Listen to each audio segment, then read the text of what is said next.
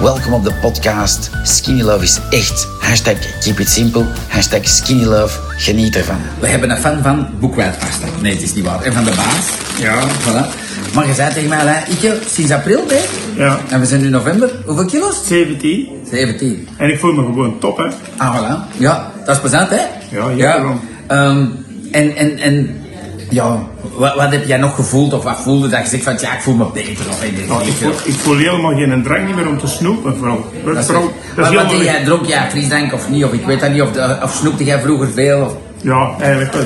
Vooral Fransje pannetjes en koekjes. Ah, ik ook fransje pannen vroeger, like sop. Ja, Oh, dat is top. Dat is En nu weg, hè? Niks meer. Maar je Het doet nu enige- je best, hè? Ik zeg het Het doe is enige dat ik nog eet, dat zijn deze. hè. een bar en een skinny drinken. Nou, ja, ja. Dat is simpel, hè? Simpel. Cool. Meer moet je niet doen, hè. En heb jij ooit vroeger van alles anders uitgespookt of niet? Ik heb dat allemaal niet gedaan. Nee, hoor, ook ja, niet. voilà, dat zijn degenen die weten dat ze. Deze is gezond, dat is cool, hè? En wel, eh, super thanks.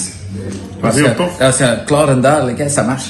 We weten wat ze moeten doen. hè. voilà, hè? Voilà. Hoeveel schepjes pak jij? Misschien nog wel een Vier. goed? Vier. Voilà, goed. Ja. Dankjewel.